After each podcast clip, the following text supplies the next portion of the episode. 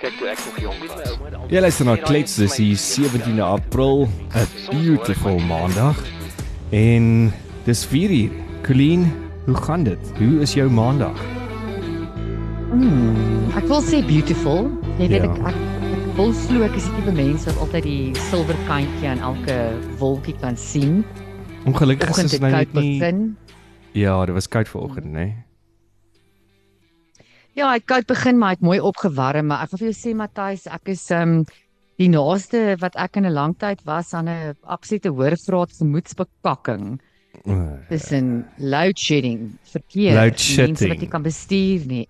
Mm. Load shedding, yes. Ja, en ons is nou nie Oh. beautiful in Beaufort Wes Beaufort Wes vandag nie. Nee, nee, hier is dit nou beautiful in die donker, maar ek probeer positief bly.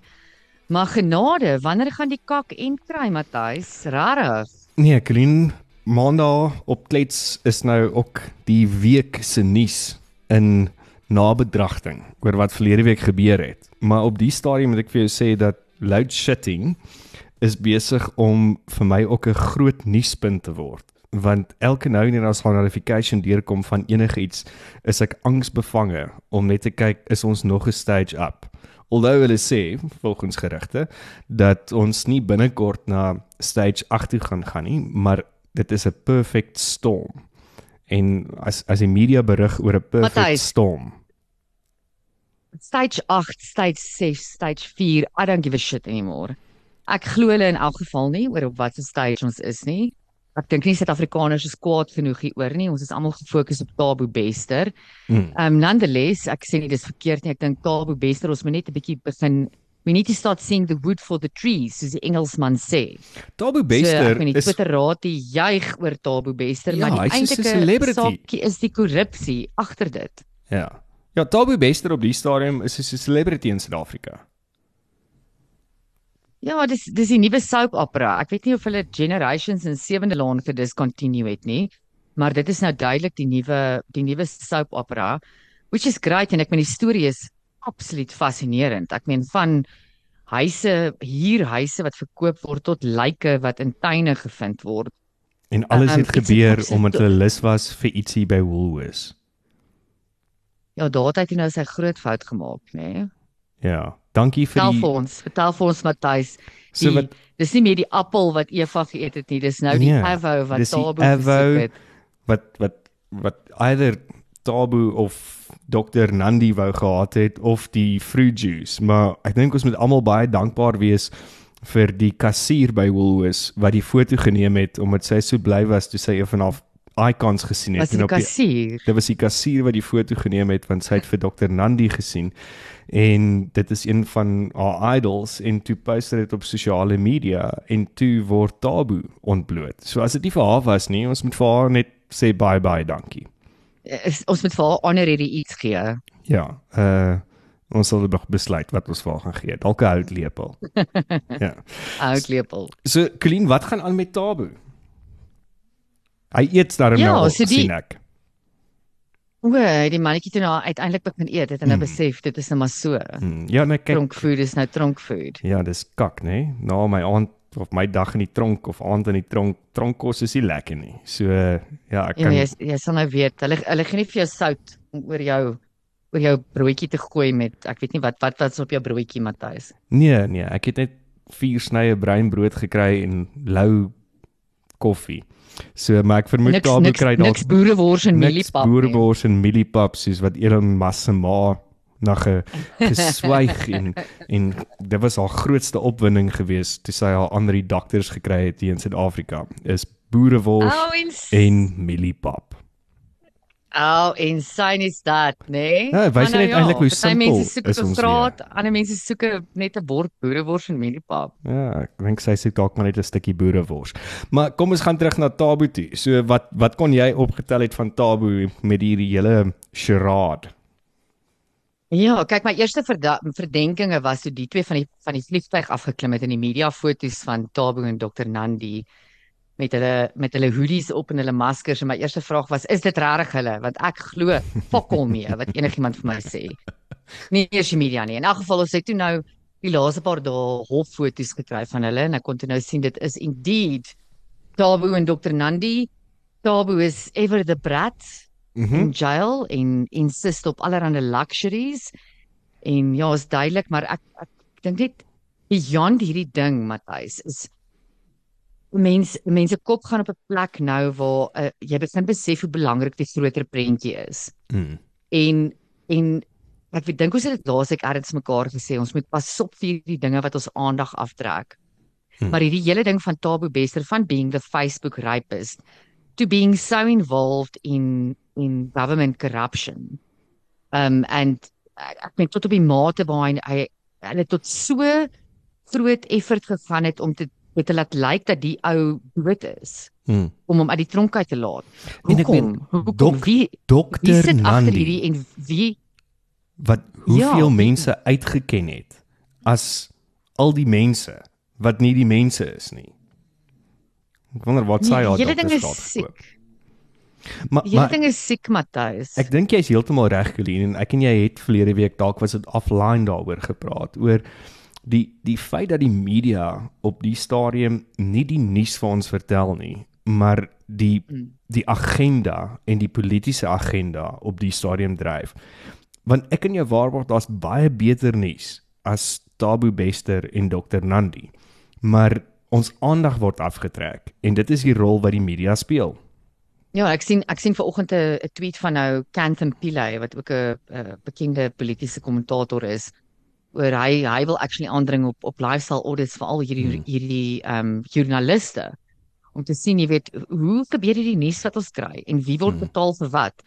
Ehm um, ek hoor so ek hoor so deur die deur die voeltjies het fluit jy toe nou uiteindelik tyd gekry om die Gold Mafia te kyk, maar ja, wys. blown away. Daai is proper investigative journalism soos wat ek ek kry hoendervleis as ek dit sê want ek kan nie onthou wanneer laas het ek sulke ordentlike investigative journalism gesien nie. Ja, dit dit was my so verfrissend om weer vir 'n slag te sien hoe joernaliste actually hulle werk doen. Mm. Hoe hulle die ruggraat en die bols het om in te gaan en regtig die werklike storie te kry. En vir die van julle wat nou nog nie die Gold Mafia gekyk het nie, doen jouself 'n Dis 'n guns moed. op YouTube. Ja. Dis 'n 4 is 'n 4 episode reeks um, wat uitgebring is deur Al um, Jazeera die- Al investigations. Jazeera se yes, indeed. En dit is Um, die doen beste jouself 'n 4 guns ure en- wat jy vir jouself gaan gee. Ja, en en weer eens daar Matthys, ek bring dit terug na Tabo Bester toe. Ek sê jou daai bliksem is ook hier ergens in gelink. Alle al hierdie goed is gelink op 'n manier.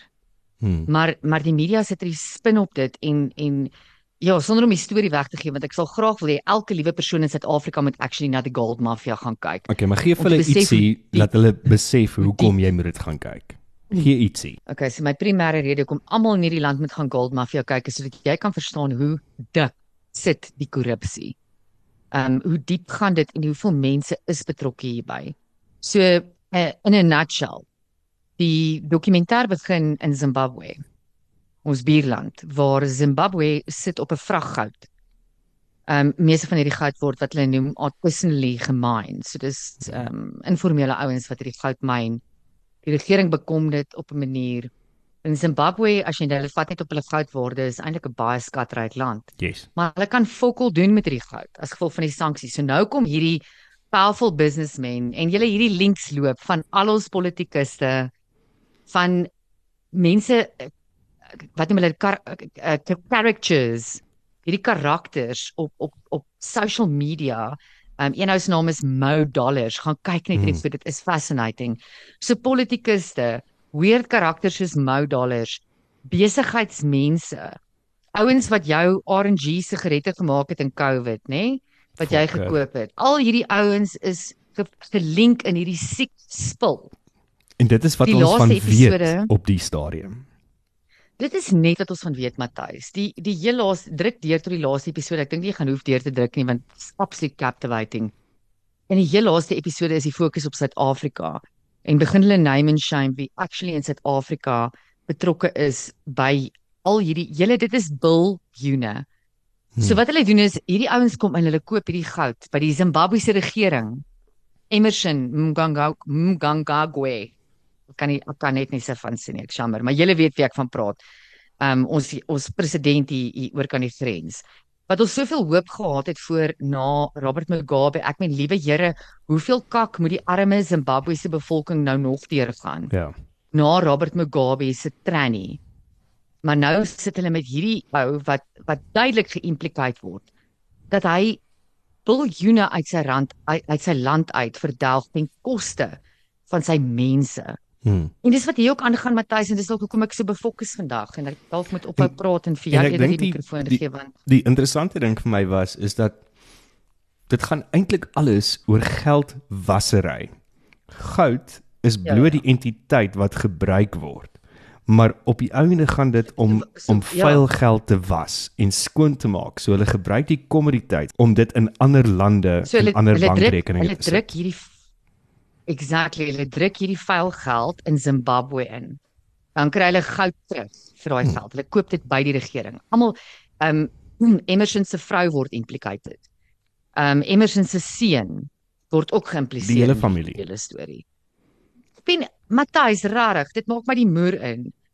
Um en dan so hulle koop die goud by die Zimbabwe se regering met hierdie vuil geld. Dan sit die vuil geld nou nie in in Zimbabwe en dan vat hulle hierdie goud, hulle gaan refine dit want elke keer as jy goud smelt en dit weer refine, is dit basically nuwe goud. Hmm. En wie ever die raffi- raffinaderry is, sit hulle stempel op dit. En dis Dan Dubai. verkoop hulle daai goud vir skoon geld. En die Dubai is op die stadium die plek waar al daai vuil goud en gaan om oorgesmelt te word.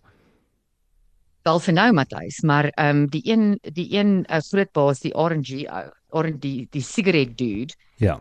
Hy het nou uh, ek sover ek weet is daar net twee raffinaderye in Suid-Afrika. Die een is Rand Refinery wat vir baie jare, hulle is al oor 100 jaar oud die maatskappy, vir baie jare was hulle die enigste erkende raffinaderry in Suid-Afrika. Yes. which was a big deal vir die company. It was a big deal vir hulle want omdat goud goud is vir ons so groot kommoditeit en hulle was die enigste een. En onlangs het ek nou verleer net daar is 'n ander ene, ek dink sy naam is Grappa. Ek het onmiddellik gedink Mhm. aan die wyn, maar ja, Grappa en die sigaretmagnaat wat duidelik en direk en so geïnterweb is in die hele ek kan dit net noem 'n fuckery, ehm um, het hierdie raffinaderry gekoop. Hmm. So en dit dit beteken dat hulle nie meer die goud Dubai hoef te stuur nie. Dit kan Ja. nou uit Suid-Afrika uitkom. En hoeveel van hierdie ouens, Cyril wat laasweek op 'n the 5th Investment Conference van Suid-Afrika klomp kak daar praat oor al die geld. Cyril kan net praat oor geld. Ek love it. Hy praat oor al die geld wat hy inkry, maar hy sê nooit hoe hy dit gaan spandeer nie. Hmm. So, Want dit lê in sy bank. guys. Maar nou my vraag is is daai dollars wat nou apparently vir vir beeste was of vir vir wild of vee was dit of was dit dalk moontlik 'n bietjie goud van Mosambiek af gewees?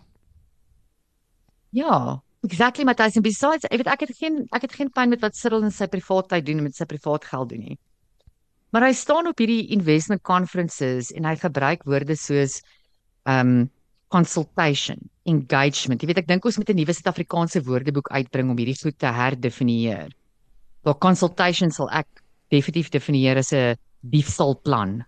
Mm. Consult, let's consult. Nee, kom ons maak 'n nuwe diefstalplan engagement. Let's have a let's have a party fueled by Moet and Sandon. And praat hy taxpayers money. Ja, engagement with structures and stakeholders. Wat wat is structures and stakeholders? Dis jou mede skelms, jou bliksem. Mm. Dis niks anders nie. Here Green, maar jy is jy's ordentlik befok vandag op hierdie Ek is die maandag. donderin vandag, Matthys. Ek is die donderin. So, het jy gehoor Ek klets dat nie eers nie. Dankie, hier is my deload Ja session. nee, ek kan nou Gee my ek- iets ligter. Kom, kom ons kom ons praat dalk maar 'n bietjie oor iets anders. Het jy gehoor maar ek daar's eintlik niks ligter op die stadium nie. Behalwe ehm um, dat Walletjiestraat mense in Holland is op hol want Walletjiestraat gaan moontlik geskuif moet word of toegemaak moet word. Nee. Ehm um, so ja, dis nogal vir my sad want dit maar is wat is die, wat is die rede is? Want ek meen Walletjiestraat is 'n absolute instelling in Amsterdam. Ja, ek ek ek verstaan Ek nie onthou die heeltemal keer wat wat die ek redes is nie. Walletjiestraat toe was, dit is en en natuurlik prostitusie word gereguleer in in Holland. En- Ja. Ehm um, so prostituie word protected en hulle kry ehm um, health benefits maar vir dit moet hulle ook belasting betaal which I Yes. think makes it a, a really honourable career as it should be. As it should be, as it should be. So- So ja, ek weet Ja, nie waar toe skuif hulle nie. om- Ek weet ook nie regtig hoekom nie. Dit sal interessant wees. Ek sal bietjie verder gaan lees en navorsing doen oor dit. So ek kan nie nou veel verder gesê het nie of sê oor dit nie, maar die ander ding is is dat ehm um, die Suid-Afrikaanse posdienste hulle is in die moeilikheid. So interessant wat ek gehoor het, die Suid-Afrikaanse posdienste of die poskoets soos hulle dit deur die tyd genoem het, is die enigste voertuig nog steeds in wetgewing wat 'n rooi lig of 'n stopstraat mag skep sonder dat daar enige boete vir hulle sal toegegee word. Dis nooit reggestel in die wet nie. Dit kom van jare terug waar die posbode en die poskoets die belangrikste medium van kommunikasie was. So hulle kon enigiets gedoen het want hulle moet 'n belangrike briefie gee. Maar op die stadium doen die Suid-Afrikaanse posdienste enigiets behalwe fokol. Ehm um, so hulle het onlangs 2.4 miljard rand gekry van 'n bailout by Treasury om historiese skuld af te betaal. Maar nou sit hulle met twee provinsiale likwidasieordes teen hulle wat ehm um, alles gaan oor rental payments. So beteken dit dat jy 2.4 miljard rand se geld ook nie betaal nie en nou is daar 'n klomp rentals. Mm. Kyk, ek moet sê ek ek ek voel absoluut niks vir die Suid-Afrikaanse posdienste nie. Dit dit doen dit dit dra glad nie by tot my daaglikse handel en wandel nie. My groot probleem is is dit is die sentrum en die grootste sentrum waar mense hulle Sassa grants kan kry. So so wat gebeur nou? Mm -hmm. Nou sê ons minister dat ons nie weet worry nie, die Sassa grants gaan nog steeds um beskikbaar wees by die posdienste. Hoe gaan jy dit beskikbaar maak Ooh. by 'n fisiese perseel perseel as jy nie jou huur betaal en jy word uitgesit nie? Gaan hulle daar op die straat staan? So Ja, rarig, gaan jy nou gaan jy nou tentjie nie. opstaan op die straat ook. ja, nee, so Ag nee. nee, dis belaglik, maar Maar hulle dink hulle gee nie regtig om nie, Matthys. So hulle gaan dit nie doen nie. Ek is Nee. net goddank bly. Hulle kan nie meer met 'n karretjie en 'n rooi lig ry nie. Karretjie en die rooi lig kan hulle nie meer bekostig nie want die Here moet ons help as hulle ook nou oor rooi rooi, rooi um, verkeersligte begin jaag. En dan op 'n ander ligte noot dat King Mm. Charles die 3de en Elon Musk en Doja Cat het die Times 100 mees influentialste mense vir 2023 gemaak. So Elon verstaan ek heeltemal. Charles, moet ek vir jou sê, daai ene met daai worsvingertjies. Weet ek nou Jy wil nie. daai vinger as as jy die naam Charles sien sê dan sien ek daai vingertjies. Hæ? Mense doen julle self 'n guns as jy dit nog nie gesien het nie. Saam met Gold Mafia gaan Google net King Charles's hands and just have a look. Ek moet vir jou sê, Colleen, die persoon wat my die meeste beïndruk het verlede week in die nuus was niemand anderste as. Kan ek 'n drumroll doen? Jy kan 'n drumroll Want ek doen. weet presies wie ek kan sê. Ja, Glynis Breitenbach. there we go. Daai vrou Exactly, that's who I am. het balls of steel. Mhm. Ek wil nooit aan die verkeerde kant van Glynis Breitenbach wees nie. En die dag as sy staan vir die NPO se posisie, vermoed ek ons gaan okay wees. Ja, ek ek en ek hoop dit kom daar uit, maar ek, ek vermoed nie dit gaan nie. Um en, eh, totdat dit gebeur, hoop ek net ou Glennis bly nie stil nie. Ek het so baie respek vir wat sy gedoen het. Ja. So net Um, konteks. En ek is in absolute verwondering oor haar guts. Ja, asseblief gee vir ons konteks. So so sy het verlede week 'n paneel van G4S wat die private tronk bestuur en beman waarin waar hy Tabu Bester Waar ontsnap het, Bester allegedly ontsnap dood. het. ja, en ook allegedly dood is. En sy het vir hulle die mees reguitste vrae gevra wat nie een van daai topbestuur wat daar gesit het regtig kon geantwoord het nie. En ek moet vir jou sê wat ek die meeste enjoy het van haar is because she was fucking patronizing. Ek was mal oor die oomblikke wat sy vir hulle die een oomblik wat sy nog nie klaar was met haar vraag nie en die, en die een lawyer wil toe inchip en sy sê vir hom do not interrupt me. Mm. I'm not done. And do you not dare interrupt me again. En toe sy uiteindelik haar vraag klaar gevra het, toe sit hulle daar met 'n mond vol tande en toe hak sy af en toe sê sy, "Wil wil julle nou strootjies trek?"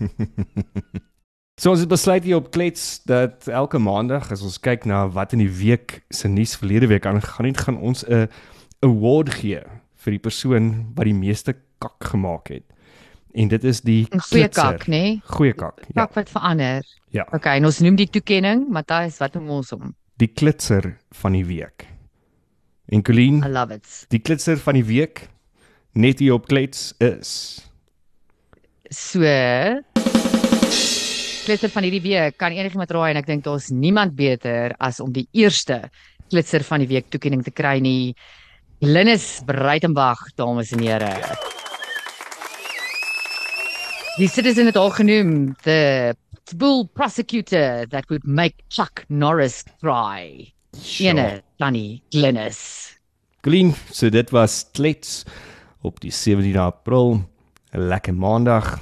Dankie dat julle geluister het. Stuur vir ons 'n e-pos na klets@afrikaans.radio en gee vir ons idees oor waaroor jy wil klets. Maar môre is ons terug en dan gesels ons met Etienne Pretorius, 'n goeie vriend van my en Colleen wat so 2 jaar terug besluit het om te trek na die UK toe. En ons vind uit hoekom en hoekom het hy getrek en ook die ander Is vraag. die is die gras regtig groener? Dis dit. Kyk toe ek nog jong was, my ouma het altyd gesê daai het vir my weer verjaardag toe hoor ek dit mense sê. Soms hoor ek maar net en ek almal net